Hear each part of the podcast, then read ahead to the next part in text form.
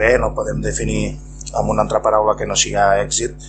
la 39a diada d'ahir del castell de, de Sant Jordi. Ja de bon de matí amb la tradicional caminada al castell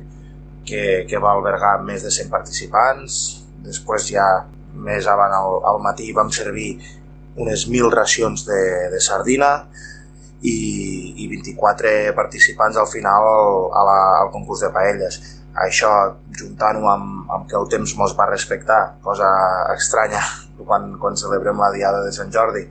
i que la gent té moltes ganes de, de participar als actes del poble, va fer que tinguéssim una diada, com te deia al començament, d'èxit rotund. I també aprofitar doncs, per agrair a, a tota la gent per haver participat, per haver omplit el castell de Sant Jordi durant tot el dia, als treballadors municipals per, per la seva implicació